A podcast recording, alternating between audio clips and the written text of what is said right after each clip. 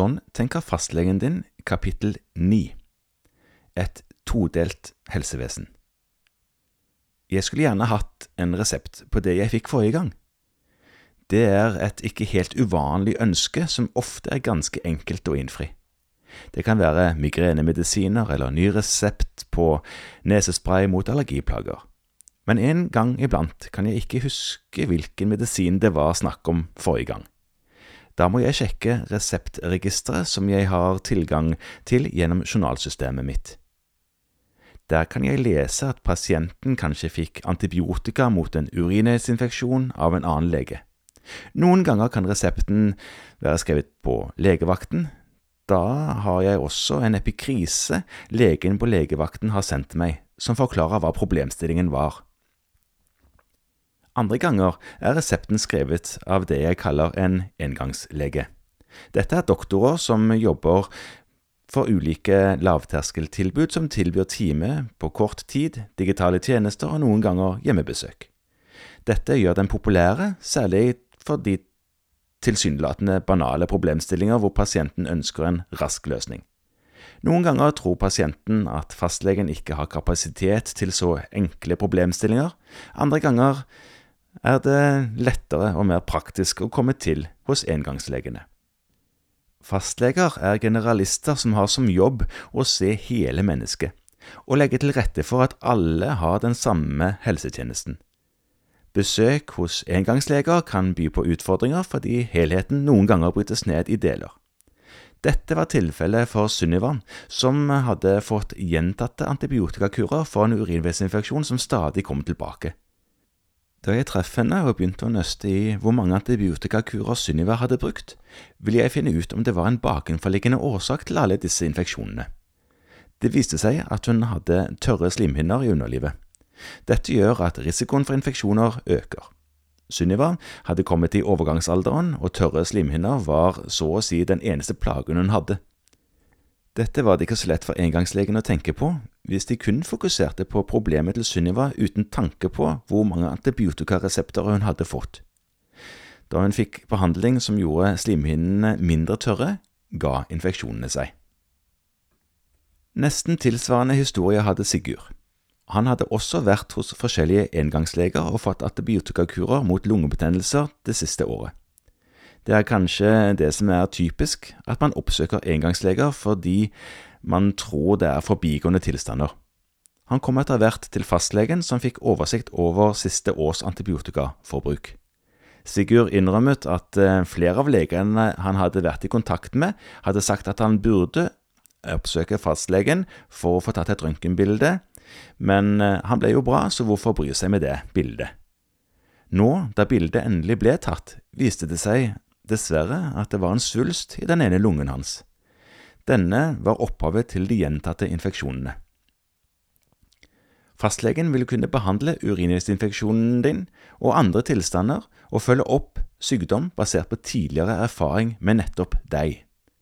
Denne oversikten kan det bli vanskelig å fange opp for de alvorlige diagnosene som noen ganger kan ligge bak. For både Sunniva og Sigurd viste det seg at påfallende mange forskrivinger av antibiotika burde fått noen varselslamper til å lyse. Tilsynelatende banale plager kan, sett i en større sammenheng, en sjelden gang være et hint om at noe underliggende er alvorlig galt med en pasient. Dette kan glippe hos engangsleger som tilbyr sine lett tilgjengelige tjenester uten tilgang på pasientens tidligere helseopplysninger. Selvfølgelig kan fastlegen også overse slike hint, men faren er langt større når man sitter med begrenset informasjon. For meg blir akkurat dette veldig godt illustrert denne torsdagen. Jeg skal akkurat til å avslutte dagen og dra hjem da en helsesekretær ringer inn. Hun skulle til å låse ytterdøren da en av mine pasienter, Sveinung, kommer snublende inn. Han har blod på jakken og sier at han akkurat har kastet opp blod. Han er svimmel, føler seg uvel og ser bleik ut.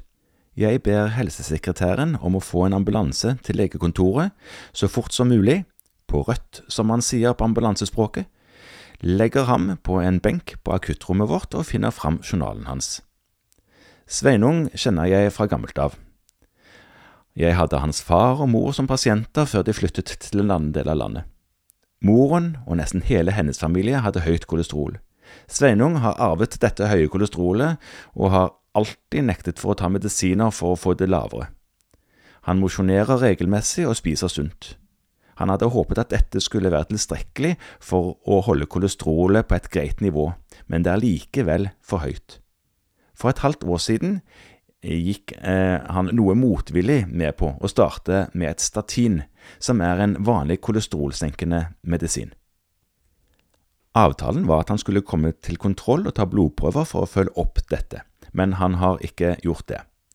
Han forteller at han har hatt det så travelt på jobb at han ikke har hatt anledning. Han forteller også at han ble støl etter at han la om treningsprogrammet sitt. Da benyttet han en engangslege som han så reklame for. Dette var en grei løsning, synes han. Han mener han fikk den hjelpen han trengte, en medisin som skulle lindre muskelverk. Den virket litt, og da Sveinung gikk tom, fikk han forskrevet mer av en annen lege han hadde en samtale med på chat. Etter hvert ble han litt uvel i magen. Han mistenker at dette nok hadde med stress på jobb å gjøre. Det har ulmet en stund, men nå i dag har det blitt skikkelig skikkelig vondt, og da han kastet opp blod, ble han engstelig. Tilfeldigvis var han rett i nærheten, og nå ligger han altså her. Jeg mistenker at det ikke er trening som har gitt Sveinung muskelverk, men en ikke helt uvanlig bivirkning av statiner. Dette er vanskelig å oppdage for en lege som ikke vet at pasienten nettopp har startet å ta denne medisinen. Ekstra ille ble det for Sveinung, som vet at han blir uvel i magen av Ibux. E som fastlege har jeg et notat på dette som dukker opp dersom jeg skulle glemme meg og forsøke å forskrive Ibux e eller medisin som ligner på det. Dette er årsaken til at jeg styrer unna den vanligste gruppen medisiner som gis mot muskelverk, nemlig NSIDES. Det var dette Sveinung fikk av legen som ikke hadde kjennskap til Sveinungs reaksjon på Ibux. Den store skrekken med denne typen medisin er at man kan begynne å blø i magesekken, og det var det som hadde skjedd her. Han har nok småblødd lenge, og er bleik på grunn av det. Nå blør det så mye at han kaster opp blod. Dette er en medisinsk nødsituasjon som kunne vært unngått dersom legen som tok seg av Sveinung, hadde kjennskap til hans historikk. Jeg ble sittende litt lenger denne dagen på grunn av dette, men det er helt klart verdt innsatsen. Sveinung klarer seg og lever i beste velgående. Kolesterolet hans er også fint nå. Han bruker et alternativ til statin, som han altså fikk muskelverk av.